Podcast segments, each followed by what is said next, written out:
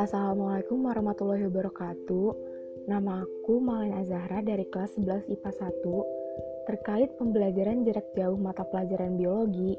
Jadi di podcast ini aku mau membahas hubungan pandemi virus corona dengan imunitas tubuh. Seperti yang kita ketahui sebelumnya nih, saat ini virus corona atau yang kita kenal sebagai COVID-19 lagi muabah banget banyak negara yang udah punya banyak kasus warganya terinfeksi virus ini. Pada awalnya, virus ini ditemukan di Wuhan, China. Tapi, sekarang virus ini udah menyebar ke mana-mana, salah satunya ke Indonesia. Sebenarnya, virus ini tidak bisa dikatakan sebagai virus mematikan, karena persentase sembuh dari virus ini cukup tinggi. Tapi, yang bikin berbahaya adalah cara penularannya yang sangat mudah dan cepat. Kita bisa tertular apabila kontak langsung dengan penderita seperti terkena percikan air liurnya.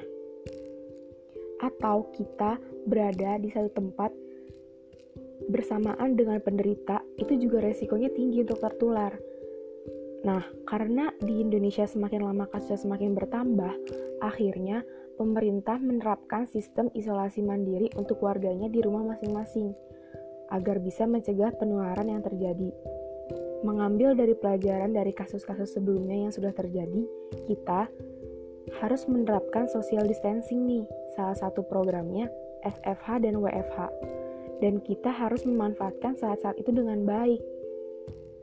Selain itu, kita harus tetap menjaga imun tubuh kita agar selalu fit. Karena kalau imun tubuh kita lemah, kita semakin rentan terserang penyakit. Apalagi yang kita hadapi saat ini adalah COVID-19 yang penularan dan penyebarannya sangat mudah dan cepat. Cara menjaga imun tubuh agar tetap terjaga gimana sih? Pertama, kita harus makan makanan bergizi. Kedua, olahraga sambil berjemur di bawah matahari dan usahakan jam 10 pagi. Cukup dalam waktu 15 atau 20 menit. Dan yang ketiga, jangan stres atau terlalu banyak pikiran. Terus, konsumsi vitamin C-nya jangan lupa. Terlepas dari itu semua, yang paling penting adalah jaga kebersihan diri sendiri dan lingkungan ya. Rajin cuci tangan dengan sabun di air mengalir.